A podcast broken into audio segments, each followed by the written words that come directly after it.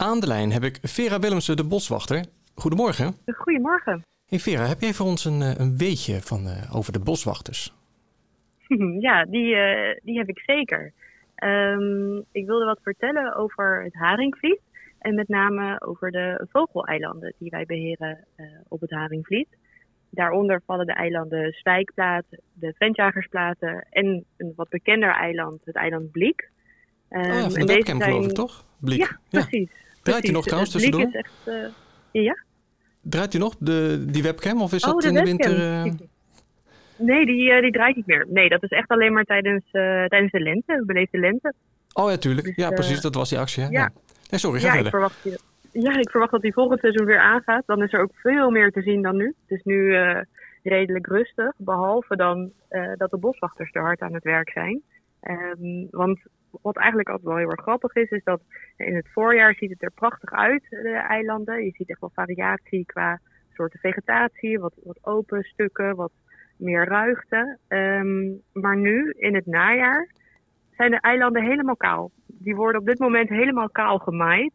Eh, en dat ziet er best wel rigoureus uit. Dus ik eh, zou me ook wel eh, kunnen voorstellen dat mensen zich afvragen van... joh, waarom gebeurt dat eigenlijk? Waarom maai je nou zo'n eiland helemaal kaal? Daar, daar komt toch geen vogel meer naartoe? Nee. zou je denken. Nou ja, juist wel. Eh, want die vogeleilanden die zijn speciaal aangelegd voor kustbroedvogels. Ehm, en kustbroedvogels houden over het algemeen van kale vlaktes. Maar goed, de vogeleilanden, dus de Slijkplaat, de Ventjagersplaten en het eiland Bliek, die worden helemaal omringd door zoet water. En wat krijg je bij zoet water of bij een zoet gebied? Dan krijg je juist heel veel vegetatie.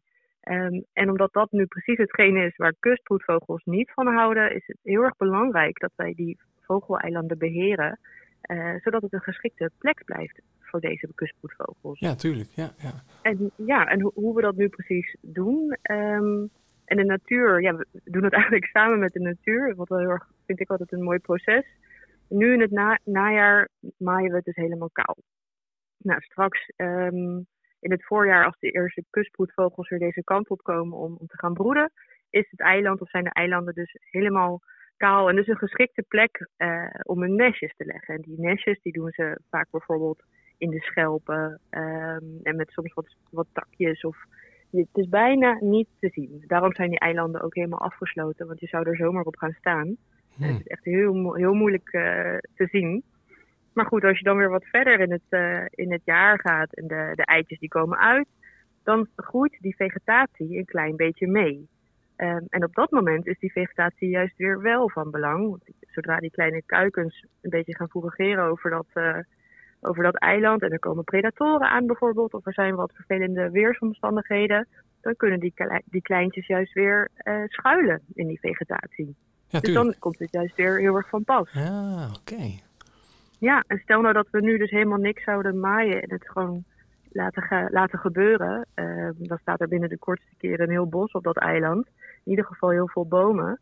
Eh, en dan komen, komen er geen kustvoet, eh, kustvoetvogels deze kant op. Want daar houden ze dus, dus echt niet van. Nee, nee, nee. nee. Dus, dus op die manier help je toch de natuur een beetje een handje, omdat je een bepaald soort natuur daar wilt hebben. Ja, ja precies. Ja. Zeker die, die. Het is gewoon heel erg belangrijk ehm, dat zij ook een plek hebben waar zij kunnen broeden. En aangezien zij best wel specifiek zijn in waar ze dat wel en waar ze dat niet kunnen, is het heel erg belangrijk om, dat, ja, om ze een handje te helpen op die manier. En daar zijn die eilanden ook, eh, ook voor aangelegd. Want stel je voor hè, dat je zo'n eiland hebt, helemaal kaal gemaaid, perfecte omstandigheden. Alleen we, we vergeten één boom. Ja, die bomen, die vinden kraaien weer heel erg leuk om in te gaan broeden. Dus dan ziet zo'n kraai, die ziet zo'n mooie boom staan en die gaat daar een nest in, eh, in maken. En terwijl die daar eh, zijn eigen nest in de gaten houdt, ziet hij op de bodem, of in ieder geval op de, op de eilanden, dan allemaal kleine meeltjes en visdieven. Die vindt eh, dat natuurlijk hartstikke lekker. Dus dan maken die kleine kustbroedvogels echt geen schijn van kans. Ah, natuurlijk. Ja, ja, ja. Daarom is het zo belangrijk ook dat we ook die boompjes daar, daar weghalen.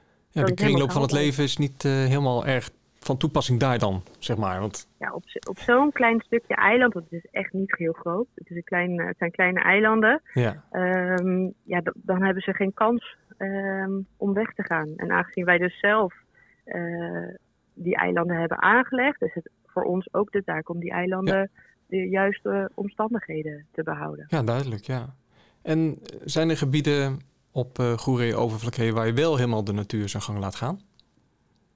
Uh, ja, ja, die zijn er zeker. Uh, ook echt wel vooral in bosgebieden. Uh, bijvoorbeeld als je denkt gewoon aan een dorpsbosje, dan hebben we daar natuurlijk wat wandelpaden doorheen lopen. Mm -hmm. Maar je hebt ook heel veel bosvlaktes waar je niet doorheen kan lopen. Dat zou je kunnen proberen, maar dat is haast niet te doen. Dan moet je echt gaan struinen. Daar laten we het echt helemaal, uh, helemaal zijn gang gaan. En dan zie je ook um, nou ja, wat dat eigenlijk doet. Op een gegeven moment met zo'n storm, die er misschien wel een deze dagen aan zit te komen, dan vallen er een paar bomen om.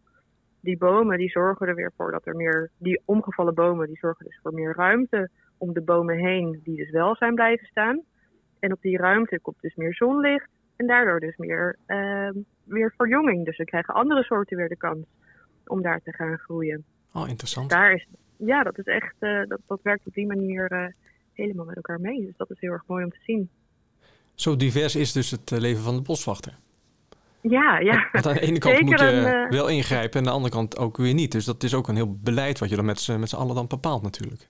Ja, precies, absoluut. En uh, veel mensen die denken bij een boswachter, die werken alleen maar in het bos. Uh, maar boswachters die in de delta werken, zoals ik, hebben ook met andere soort natuur te maken. Ja, en ja. daar moeten we ook op, op sturen. Dus dat is inderdaad heel divers. Interessant zeg.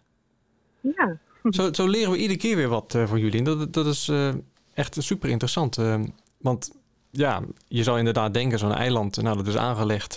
en voor de rest, dan laten we dus zoals het dan heet, de natuur zijn gang gaan. Mm -hmm. Maar dat kan dus niet in dit geval bij, bij nee. Blik. Nee, klopt, klopt. En ik kan me voorstellen dat je ja, dat niet helemaal weet. Als je dat, dat moet je echt nou ja, horen van iemand van, oh ja, eigenlijk is het logisch, maar je moet het maar net weten.